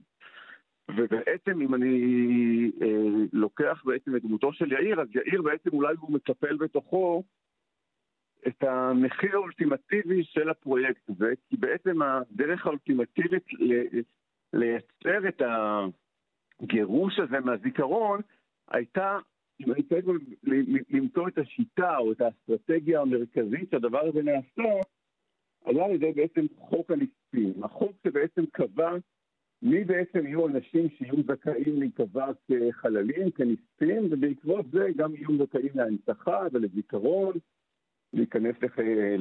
לספרי האזכור, להיות זכאים לשמות של רחובות, להיות זכאים, משפחותיהם יהיו זכאים, זכאיות סוג מסוים של שיקום וכאלה ואחרים, ובעצם החוק הזה קבע שלושה פרמטרים מאוד מאוד ברורים, שעל פיהם אדם מסוים, בין אם הוא נגדה קומה וראש ארגון אה, מחתרת, או בין אם הוא אפילו אדם אה, אה, מן היישוב שנפל בקרב, ושלושת הפרמטרים האלה מאוד מאוד מובהקים, ויאיר בעצם נופל אה, או משלם את המחיר אה, על שלושתם. הפרמטר הראשון הוא שבעצם אתה תוכר כחלל אה, רטרואקטיבית, רק אם אתה, אז אני מצטט ממש מהחוק, נפלת תוך כדי שהשתתפת בארגון מוכר, ויאיר כמובן, כמו כל חללי האצ"ל והלח"י, אה, נהרג כאשר הוא היה שייך לארגון בלתי מוכר. אה, הפרמטר השני הוא כאשר אתה נהרגת כאשר אה, נפלת תוך כדי שהיית שייך למלחמה שנעשתה תוך כדי, אה, ואני מצטט, אה, בבקשה, סליחה על ההסתעות, תוך כדי שפעלת כנגד הכנופיות הערביות והצבאות הפולשים. ויאיר כמובן, מה לעשות, נהרג מידי הבולשת הבריטית. הפרמטר השלישי הוא אה, שנהרגת רק אחרי ה-30 בנובמבר 47. ויאיר, כמו רוב חבריו, אה, נהרגו לפני התאריך הזה. עכשיו, שלושת הפרמטרים האלה, הם אלה שאפיינו, אה, ולא בכדי, את חוק הנספים במערכה, נוצרו לא בכדי, הם נוצרו כדי אה, לגרום לכך שרוב חללי האצ"ל והלח"י לא יוכלו להיכלל בעצם בפנתיאון הלאומי, בספרי הזכור, בספרי אה, גבילי אש, וכל החקיקה בעצם שבנתה את הזיכרון הישראלי, שקבעה את מי מותר להנציח, אה, על שם מי מותר לבנות שמות של רחובות, על שם מי מותר לכתוב ביוגרפיות בהוצאת משרד הביטחון, את אה, משפחותיהם של מי מותר לשקם, על שם מי מותר לבנות אנדרטאות, על שם מי מותר לבנות יישובים, וכך הלאה וכך הלאה וכך הלאה. בעצם נבנתה על התשתית הזאת של החקיקה הזאת. ומי כמו יאיר בעצם סיבל את הנושא האולטימטיבי, כי הוא באמת לא נפל אל מול זרועות הפלישה הערביות, לא נפל אחרי התאריך הזה, אה, לא נפל במסגרת ארגון מוכר, כלומר לא בהגנה. אה, ובעצם הנה הדרך האולטימטיבית שבה לכאורה באופן ספונטני, לכאורה באופן תמים, אבל באופן מאוד מאוד רציונלי, מתי מוחקת ומוציאה מהפנתיאון שני ארגונים אה, כדי שבזיכרון הקולקטיבי הם לא היו קיימים. ובאמת בכל ספרי החינוך, ובכל ספרי התרבות, ובכל ספרי המורשת, ובכל ספרי הגיאוגרפיות שמוציאה הוצאת מערכות, במשך שנים, בוא, בוא, בוא נעצור. אין שום זכר למורשת הרוויזיוניסטית. אבל אני רוצה, בהמשך לדברים של דוקטור גרובייס, הלוא היא עצמה אה, רעננה את הזיכרון שלנו. יהושע כהן, איש לחי מובהק, איש לחי מובהק, הפך להיות שומר ראשו וידידו הקרוב ביותר של בן גוריון. אני, אני, אם אפשר להתפרץ ל... את יכולה להתפרץ, בואי נשמע אותך. אז אני, אני רוצה, בהמשך לדבריו של פרופסור לבל, זה, כל מה שהוא אמר, מה שנקרא נכון, אבל הטענה שלי שבראשית שנות ה-60 יש שינוי. השינוי הוא לא בחוק, השינוי הוא במהלכים שבן גוריון עושה. וזה בהמשך למפגש שלו, מצד אחד זה בהמשך למפגשים שלו ולהיכרות האישית שלו עם, עם אנשי לח"י. אבל מצד שני, יש לו, אה, יש, מתקיים מאבק על הזיכרון. והמאבק על הזיכרון כאן הוא גם מאבק פוליטי, שבחלקו הוא עליית כוח של, נקרא לזה, של המרכז ימין.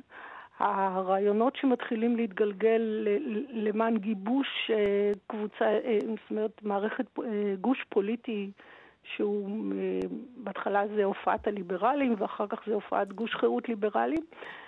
יש לזה משמעות גם במאבק על הזיכרון.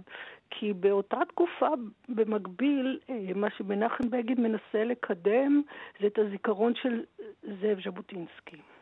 ויש כנס בראשית שנות ה-60 בבית, כנס שהוא גם כן דרמטי, הוא שינוי שזה לזכרו של ז'בוטינסקי בבית הנשיא. ובן גוריון נכנס ל, ל, ל, למאבק הזה על ידי זה שהוא במידה רבה מקדם את, ה, את מי שמרד גם בז'בוטינסקי, וזה יאיר. המפגשים האישיים, ואנחנו רואים את הסיפור הזה, והנה ב-65 יש לנו את אה, רחוב בתל אביב, הרחוב היכן שנמצא הבניין בו נרצח אה, אה, יאיר, הרחוב הזה נקרא על שם יאיר. זה לא סתם, אחרי הניסיונות המאוד דרמטיים למנוע כל אופציה של הנצחה של מה שקשור ליאיר ומה שקשור ללח"י ומה שקשור לאצ"ל ומה שקשור לכל הזרם הרוויזיוניסטי, ב-65 כן קורה בתל אביב אירוע שהוא אירוע, אפשר להגיד במידה רבה, דרמטי. ש... מאוד דרמטי. שקוראים לרחוב, איזה... עכשיו, האירוע הזה מתרחש, שוב, בימיו של אשכול, האירוע הזה מתרחש אחרי קבורתו של זאב ז'בוטינסקי בירושלים, בהר הרצל. כן, אני, אני אה, אשאיר אותך עכשיו כאן, הישארי איתנו על הקו, אני רוצה לחזור אליך, יאיר שטרן. כן.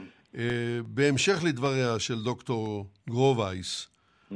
הדברים האלה הם מרכזיים. השנאה כלפי אביך ביישוב. לא כולם היו, אנחנו שמענו את זה, אבל הייתה הרבה שנאה כלפיו.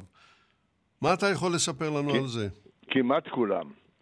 תראה, אה, היישוב המאורגן וההנהגה שלו אה, הכריזו בעצם על אה, התגייסות לעזרה לבריטים שנלחמים בנאצים אה, באירופה. ופה מצד שני קמה קבוצה קטנה שבראשה יאיר, שמחליטה להילחם בבריטים ולעשות מלחמת גרילה עירונית שפוגעת בהם בנקודות מאוד רגישות. והיה עוד העניין הזה שיאיר ניסה ליצור אה, קשר עם אה, גרמניה הנאצית, עוד בתחילת אה, דרכה של לח"י, כדי לנסות להציל יהודים מאירופה. אתה מדבר. על שליחותו של נפתלי לובינצ'יק. כן, שלא לא עלתה, לא יצא ממנה שום דבר, והוא עצמו נעצר ואחר כך נשלח לגלות באפריקה. אבל העניין הזה אה, יצר אה, ממש משטמה ביישוב. כלפי אה, יאיר וכלפי אנשי לח"י, וקודם כל כינו אותם כנופיות מטורפים ובוגדים וקוויזלינגים וגיס חמישי ומה לא, אבל זה התבטא גם בפועל בכך שאנשים אה, הסגירו אנשי לח"י לבריטים, גם אנשי האצ"ל, אבל בתקופה יותר מאוחרת. אנשים לא פתחו את הדלתות כדי לתת להם מחסה, לח"י כדי להתקיים נזקקה לפעולות אלימות של אה, שוד בנקים או, או שוד אה, חנויות ואנשי עסקים אה, על מנת לממן את הפעילות שלה. וזה רק הוסיף לתדמית הגרועה שהייתה להם אה, בעיני רוב היישוב. אנשים פשוט לא הבינו את המהות של המלחמה הזאת. לח"י, בניגוד למה שאמרו שני אה, קודמיי, לח"י הייתה תנועת שחרור לאומית. וככזאת, ועל הרוח והעקרונות של יאיר, הצטרפו אליה אנשים מכל מיני אה, עדות וסוגים, היו בה אשכנזים וספרדים, ודתיים וחרדים, שמאלנים וימנים, you name it, מכל הזה, אפילו ערבים מאבו גוש. זאת הייתה תנועה באמת אה, אה, שהייתה בג'יסט שלה, בקליפת אגוז, היא הייתה תנועה ש... כמו מגנט, משכה אליה הצעירים מכל הכיוונים כדי, כדי להילחם. ואני חושב ש... זאת אחת הסיבות שבן גוריון כל כך חשש ממנה ורצה להשחיר אותה, אני ממש... כן, אה, אבל אני רוצה להגיד עוד משהו. קודם כל, יצחק שדה, שהיה מפקד הפלמ"ח, היה מיודד עם יאיר, וקיים איתו הרבה פגישות עד, עד. אה, ודבר שני, צריך לזכור, יאיר לא היה רוויזיוניסט. כשמדברים פה על רוויזיוניסטים, יאיר לא היה רוויזיוניסט, הוא אף פעם לא היה בביתר, הוא לא היה, הוא התנגד לז'בוטינסקי, ככה שאי אפשר לכרוך את הכל בחבילה אחת, אולי אה, זה מה שרצו. אני חושב גם שנקודת המפנה ביחס ללח"י הייתה ב-62, כשמרדכי נמיר, ראש עיריית תל אביב, אפשר לאנשי לח"י לערוך עצרת בבניין הבימה, האולם הכי גדול בארץ אז, אה, במלאת 20 שנה להירצחו של יאיר.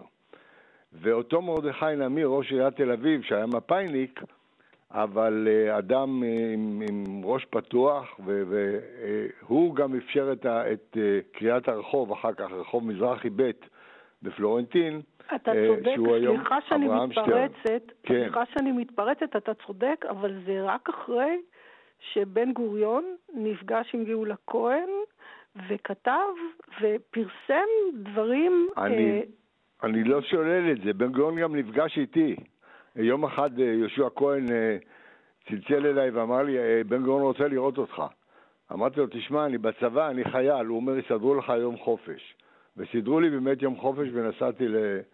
אבל, אבל השאלה מה הוא אמר, והוא אמר דברים מאוד חמים בעקבות המפגש עם גאולה כהן, הוא אמר דברים חמים על יאיר, נכון. שזה נתן אות. נכון. במ... נכון. ושוב, בסדר. צריך לזכור את המקום של בן גוריון, אי אפשר, אה, אה, נמיר הוא חלק ממפא"י, ובהחלט אפשר לראות קו שאחרי הפגישה עם גאולה כהן, אחרי הדברים ש, אה, שמנוגדים לדברים אחרים שהוא אמר קודם לכן, בשנות החמישים הרי הוא אמר דברים איומים ונוראים. בסדר. ו... אני ארשה לעצמי גם להתפרץ, אם אני מרשה לעצמי ככה בשיחה שאני מרגיש בה יחסית פתוחה, אני יודע שיש ככה איזושהי נטייה תמיד להזכיר את השיחה של בן גוריון עם גאולה כהן, ככה אני קורא ככה הרבה מאוד ספרים וביוגרפיות והרבה מאוד דיסרטציות על ההתפתחות של הייצוגים התרבותיים של הרוויזיוניסטים. אני מרשה לעצמי קצת לפקפק בנושא הזה, אני יודע שכמעט כולם מזכירים את הרגע המכונן הזה של הפתיחה של בן גוריון עם גאולה כהן ואת המכתב שכבודו במקומו מונח, שבן גוריון כותב לגאולה כהן את ההתרשמות שלו מספרה, והוא מאוד מאוד מאוד מתפעם שם מדמותו של יאיר. אני מרשה לעצמי לומר שעם כל הכבוד לאותו מכתב שבן גוריון כותב לגאולה כהן, והוא מרשה לעצמו לכתוב שם שהוא מתפעם מדמותו של יאיר, תודה רבה באמת למכתב שבן גוריון כותב לגאולה כהן והוא מתפעם שם מדמותו של יאיר. מדובר עם כל הכבוד למכתב, אבל בן גוריון אחראי להסחרה חסרת תקדים, אה, הייתי אומר כמעט סטליניסטית, סליחה, סליחה אופיר, תני לי רגע לדבר, כמעט סטליניסטית, שעשתה עוול מטורף לדור שלם של חיילים, לוחמים, חללים, אלמנות, אימהות שכולות.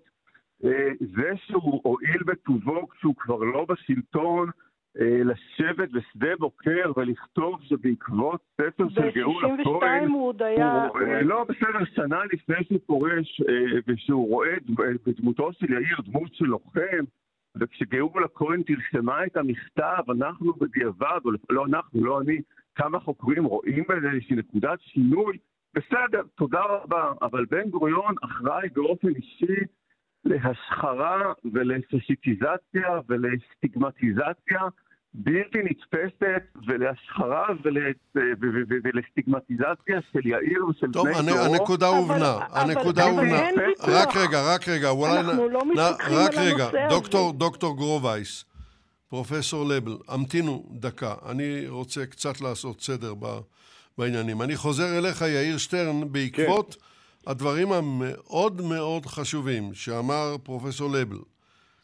ולא הסכים לחלוטין, עם, לא לא לחלוטין, אבל לא הסכים עם, עם דוקטור גרובייס. הילדות שלך, רגע, רגע, רגע, תנו לי, תנו לי לשאול את השאלה ואני הייתי מבקש לשמוע את יאיר שטרן. הילדות שלך היא הילדות שאחרי הקמת מדינת ישראל.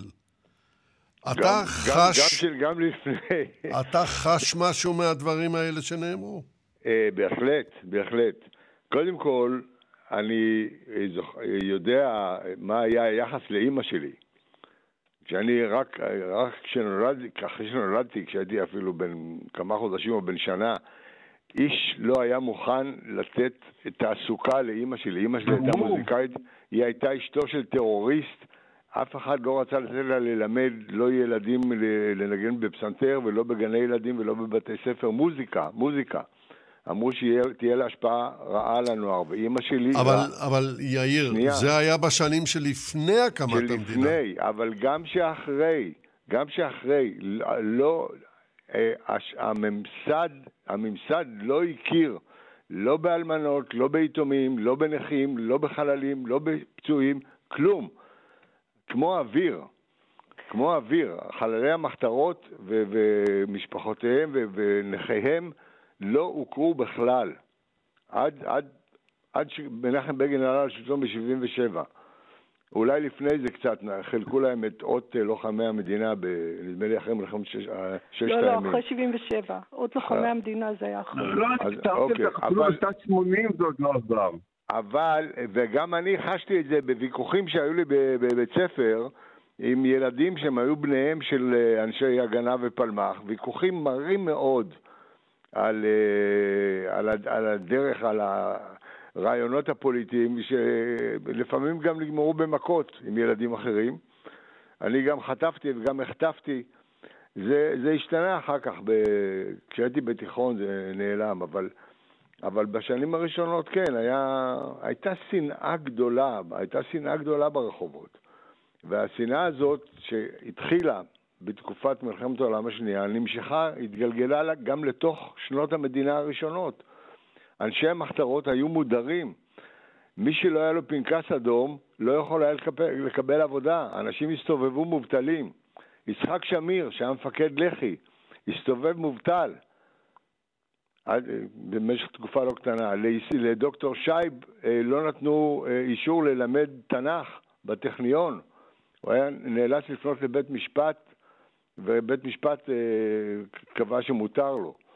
זה, היו דברים נוראים בארץ אז. מזל ששמיר אחר כך גויס למוסד יחד עם עוד כמה אנשי לח"י, ומשם כבר, ברוך השם, הייתה לו פרנסה. אבל היו שנים קשות ביותר. אני יודע על אנשי לח"י שרצו לעבוד בסולל בונה, שלחו אותם לסלול כביש במעלה עקרבים ב-50 מעלות חום, רק שם אה, הם יכלו לקבל עבודה. הייתה תקופה נוראית. לך ולאימא שלך, זיכרונה לברכה, כן. היו קשיים כלכליים אחרי הקמת המדינה? אה, לא, אימא שלי אה, התחתנה בשנית, ובעלה היה במפא"י, אז אה, הוא, הייתה לו עבודה, ו, וברוך השם אה, הסתדרו. אבל אה, בעניין, בעניין הזה אני לא, אין, אין, לי, אין לי טענות, זאת אומרת, אבל אני יודע שזה לא, הבעיה לא הייתה רק הכלכלית, הבעיה, הבעיה המרכזית הייתה ההכרה. האנשים האלה שלחמו וחלק גדול מהם נפלו, גם בשורות צה"ל ובמלחמת השחרור, והם הם רצו את הכרת התודה, את, את ההכרה של המדינה, שת, שתיתן להם חיוך על, על, על מה שהם תרמו במאבק להקמתה ובמלחמת השחרור תוך כדי זה לעצמאותה. ואת זה הם לא קיבלו, וזה מה שחרה לאנשים הרבה שנים, עד היום אפילו יש כאלה, שחורה להם שהמדינה לא ידעה להגיד להם תודה.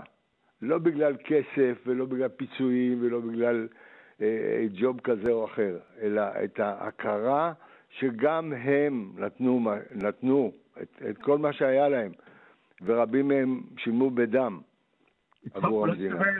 להסביר, כל חלל וכל חייל שהיה בהגנה ובפלמ"ח חוייל באופן רטרואקטיבי. נכון. וקיבל מספר אישי של צה"ל. מי ששירת באצ"ל ובלח"י, בין אם נפל ובין אם לא, היה צריך לחכות למהפך הפוליטי. נכון. נכון. וגם ו... לאחר המהפך הפוליטי, בגלל שעדיין אנשי מפא"י עדיין איישו את uh, לשכות הבירוקרטיות של משרד הביטחון ושל יד לבנים. זה לקח עוד, עוד, עוד כחמש שנים עד שכל האנשים האלה uh, זכו להיכנס ולקבל שירותים במשרד השיקום, באגף הנצחת החייל ובקירות יד לבנים. יש לי התכתבויות נוראיות של אנשי לח"י, שחלקם נפלו ממש לצד אנשי הגנה ופלמ"ח. למשל באירועים כמו ליל הגשרים, שמה לעשות, לצד אנשי אכזיב, נפלו אנשים גם בפעולת אנשי... זה היה תקופת אה, תנועת המרי. מלאכה. אה, אז על אנדרטת אנשי גשר אכזיב, כמובן יש את אה, סמל צה"ל על ספרותיהם. ועל קברותיהם של אנשי לח"י שנפלו בפעולת קריית אתא, שנעשתה במסגרת אותה פעולה ממש. נכון, יום יומיים אחרי. לא ניתן אישור לשים את נכון, סמל צה"ל.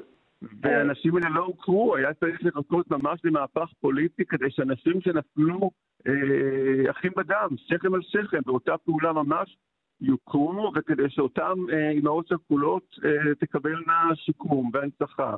ותגמולים, אני, וש, אני... ושאותם ילדים, אותם חיילים ייכנסו לספרי לזכור. כן, כן. זה לא נכון. רק זה, אני רוצה להוסיף עוד נקודה. אנשי הלח"י, גם העלבון שלהם היה מאוד קשה. אני, אני, למען הגילוי הנאות, אני בת של איש לח"י. ואני זוכרת את אבי אחרי המהפך דווקא.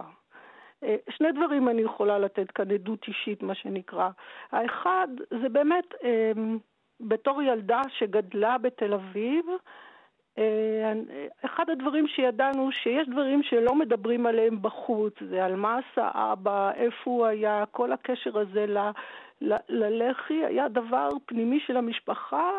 שעליו לא מדברים בחוץ ולא מדברים כי, כי, כי אם, אם נדבר אז אנחנו נסבול מזה, כמו שאימא שלי אמרה, בעתיד לא יהיה לך עבודה, אז כדאי שיש דברים שלא תדברי עליהם. לא חייבים לדעת מה את חושבת, זה אחד. ו- והדבר הנוסף, דווקא אני רוצה לספר את הסיפור של אחרי, אחרי המהפך הפוליטי, שביקשו כן לתת אותות, את אותה קוממיות לאנשי הלח"י. וביקשו מהם, שלחו להם למלא טפסים. ואני זוכרת את, אה, את אבי שהוא, שמאוד כעס, והוא אמר, עכשיו הם נזכרו, תודה רבה, אני לא רוצה. ואני לא אמלא. ועכשיו, הוא היה, הוא, הוא, התחושה הזאת של ההשפלה הזאת, שלא קיבלת, לא, לא, לא נתנו לנו, אז לא צריך, אני לא עשיתי את זה בשביל אה, לקבל איזשהו אות ופרס, הייתה כנראה... לא רק שלא, כי אני יודעת שאנשל שפילמן, אחד מאנשי הלח"י שהובילו גם את ההנצחה וגם את המהלך לתת להם את ההכרה, אז הוא, הוא, הוא הלך מבן אדם לבן אדם וניסה לשכנע אותם למלא את הטפסים, להתגבר על העלבון האישי הזה של, שלא הכירו בהם, כדי שכן אה, יוכרו אנשי לח"י ויקבלו ויהיו חלק מהמהלך. אני זוכרת את הסיפור הזה כי זה היה אירוע, מבחינת אבי, זיכרונו לברכה, זה היה אירוע טראומטי, הוא לא רצה לשמוע, הוא אמר, לא נתנו, לא צריך, תודה רבה. לא עשיתי את זה בשביל זה. ו- וזה חלק שממחיש באמת את מה שפרופסור לבל אמר, אני, אין, אין לי ויכוח, רק הש, ה, ה, השאלה היא איפה התחילה הנקודה של, של ה, ה, לפרוץ את, ה, את, את הכניסה הזאת של, של, אנש, של אנשי הלח"י וגם של התנועה הרוויזיוניסטית בכלל לתוך הזיכרון הקולקטיבי הצובר. ו, וזה מתחיל... אני חושב שזה תהליך, זה לא זה, זה, נקודה אחת נכון. מכרעת. זה, זה תהליך שזוחל, זוחל, זוחל, זה תהליך עד ומתגבר כל הזמן. זה תהליך ש, שמתחיל... אני מניחה סביב שנות ה-60, שוב, גם, גם, גם לכוח הפוליטי הייתה משמעות בהקשר הזה, ואי אפשר להתעלם מזה. ו, וכן, יש כאן, היה גם מאבק פנימי, כי, כי כמובן שהלח"י לא היה חלק מה... היה חלק ולא חלק מהתנועה הרוויזיוניסטית, כי רבים מאנשי התנועה הרוויזיוניסטית הצטרפו ללח"י. נכון. יש כאן מאבק, אה, יאיר מהווה את הדמות דווקא שמורדת גם בז'בוטינסקי, בגלל שהוא בא מבחוץ. אה, אז, אז יש כאן גם מאבק פנימי. היה מאבק גם עם, עם מנחם בגין, כי מנחם בגין רצה להגדיר את עצמו כמורד הראשון, והיה לו קשה לקבל את, ה, את יאיר כמורד הראשון, ו, ו, ומנחם בגין כל הזמן אה, הציג את אה, הכרזת המרד שלו, המאוחרת יותר, כנקודה של המאבק מול הבריטים, ועל זה יש ויכוח, ואנחנו רואים את הוויכוח הזה, ואלדד מתווכח עם בגין על זה גם בכתוב וגם בעל פה. בצדק, יש, יש עובדות היסטוריות. מי שהתחיל את המלחמה לא בבריטים זה יאיר והלח"י, ובגין לא, רק ב-1944 לא... הכריז על המרד. אני לא מתווכחת על האירוע ההיסטורי, אני מתווכחת, מה שאני באה להציג כאן, שהסיפר, הנרטיב, הוא לא תמיד חופף לאמת ההיסטורית, אנחנו יודעים את זה, זה נכון בכל מיתוס ובכל נרטיב, ויש כאן... צריך להבדיל בין מה... בין הוויכוח שאתם מדברים עליו לבין מה מזה בכלל נחשף לציבור הרחב ולציבור של המצביעים ומה מזה בכלל רלוונטי ומה מזה חי בכלל לציבור הרחב. לא בטוח שמה שאתם מדברים עליו כרגע, שאני מכיר אותו היטב מן הסתם, לא בטוח מה מזה בכלל חי הציבור הרחב והגדול. הציבור הרחב, הרחב והגדול חי את יאיר כמיתוס, ואני לא בטוח שהוא מתעסק בדברים האלה. נכון, לא, אתה לא צודק. אז זו הנקודה, חברות, אה, חברים וחברה. זו בדיוק הנקודה, ולא הייתי רוצה להיפרד, יש לנו, הזמן כבר פועל לרעתנו, אה, לצערי הגדול, אבל לא הייתי רוצה לסיים את השידור הזה בלי שנדבר על אה, דמותו של יאיר שטרן בימין הישראלי של היום. היום 2022. ואני רוצה להתחיל איתך, פרופסור אודי לבל. אתה כן. איתנו. איתכם, איתכם, כן. אז בוא ונשמע אותך, אני מקווה שנשמע טוב. אתה מדבר איתי על הימין של היום? בימין של היום אין לי בכלל ספק שיאיר הוא נתפס כ... אולי הייתי אומר המנהיג האולטימטיבי. אה, ואנחנו רואים שתקופות משתנות, בעידנים משתנים, וזה לא משנה אם זה הימין הרוויזיוניסטי או הימין הדתי, או הימין שחווה את ההתנתקות, העיניים תמיד נשואות ליאיר. האזכרות אה, של יאיר הן אזכרות קדושות, אה, ובין אם זה נוער אה, כתום, ובין אם זה נוער מכונס בחליפות של נוער בית"ר. יאיר נתפס כמנהיג והייתי אומר בצורה פרדוקסלית, ויסלח לי יאיר שטרן אפילו אולי דווקא בגלל שיאיר לא זכה להגשים את עצמו אה, כמקבל החלטות פעיל, אה, אפשר להפיל עליו או לייחס לו את הצוואות שכל אחד מעוניין בו. ובגלל שהוא לא זכה להגשים, והוא לא זכה במרכאות לקלקל לכל אחד את הפנטזיות שכל אחד רוצה לייחס לו. ולכן יאירו פה. את מקבלת את הדברים האלה, דוקטור גורווייס? אני מקבלת את הדברים האלה, ואני יכולה רק להוסיף, גם, גם אה, הדמות של יאיר גם מושכת מאוד את הצעירים. מאוד. כי, כי, כי, כי יש בו את ההיבט המרדני, את ההיבט החתרני אפילו, ש, ש, שמאוד קוסם לצעירים, זה מצד אחד, ומצד שני, בדיוק מה שאמר פרופסור לבל, זה המקום של לאן, לאן הגענו, כן? לא, והוא לא, לא התקלקל ב, ב, בשלטון. אה, הוא, הוא, לא, הוא לא נאלץ לוותר על האידיאולוגיה שלו. ואפשר לראות באידיאולוגיה הזאת, ככה יכול לאמץ את זה גם הצעיר הכי מרדני וגם הצעיר הדתי הדתי-לאומי, ואנחנו רואים באמת אה, בטקסים שיש היום לזכרו של אברהם שטרן, שמתקיימים, כמות הקהל גדלה משנה לשנה, ו- וכמות הציבור שמגיע מהציבור הדתי-לאומי, היא שוב, היא, היא הבולטת, הבולטת בצורה מאוד uh, uh, גדולה. אם אני מסתכלת על מה שהיה קודם לכן בשנות ה-60 ובשנות ה-70, uh, הכמות, זה, זה, זה מעניין, כי, כי אני לא רואה את זה אצל מנהיגים אחרים שלא איתנו. אני, אני הייתי רוצה, ברשותך, יצחק, להוסיף פה עוד כמה מילים. יאיר, היה בו טוהר. של מנהיגות, מנהיג שקבע דרך והלך איתה עד הסוף ושילם את המחיר הכי יקר, הוא שילם בחייו, והוא ידע שזה יקרה, זאת אומרת, הוא הרבה שנים לפני, לפני שהוא נרצח, הוא ידע שהוא הולך למלחמה שהוא לא יחזור ממנה. והדמות הזאת של מנהיג שמאמין בדרך והולך בה ומשלם את המחיר הגבוה ביותר בחייו, ומוותר על הכל, מוותר על, על, על תענוגות החיים, מוותר על משפחה, מוותר על... אה, הוא, הוא, הוא נרצח, היו לו גרוש וחצי בכיס. לא, כלום לא היה לו, מבחינת רכוש, מבחינת אה, שום דבר אה, שאפשר להיאחז בו. חוץ מה... הייתה לו, מ... הייתה לו מיטה מתקפלת. מיטה מתקפלת וספר תנ"ך, ש... שאיתם הוא נדד בין אה, מקלטים ושדרות ומחסות אה, ארעיים. עד, עד ליום שבו הוא, הוא נרצח. והטוהר הזה, זה דבר ש... והאמונה הזאת זה, שנשארה, זה מה שמושך את הצעירים, כי, כי הם מסתכלים מסביב ומסתכלים על המנהיגות שיש לנו בשנים האחרונות, והם לא מוצאים uh, משהו, הם מוצאים uh, פוליטיקאים שלא בדיוק uh, מהווים דוגמה. ולכן יש שם, אי שם, בעבר יש, ישנו אותו המנהיג הטהור, האולטימטיבי, ולכן הם נמשכים אליו, ולכן המיתוס הזה הוא גדל משנה לשנה. כן. תגובתך בקצרה רבה, פרופסור לבל, לדברים ששמענו. למעשה, ממש מסכים. זה בעצם הכוח של אה, מנהיג שנרצח. כל, כל אחד יכול לדמיין בעצם את ההיסטוריה הפוטנציאלית שהוא היה יכול להגשים.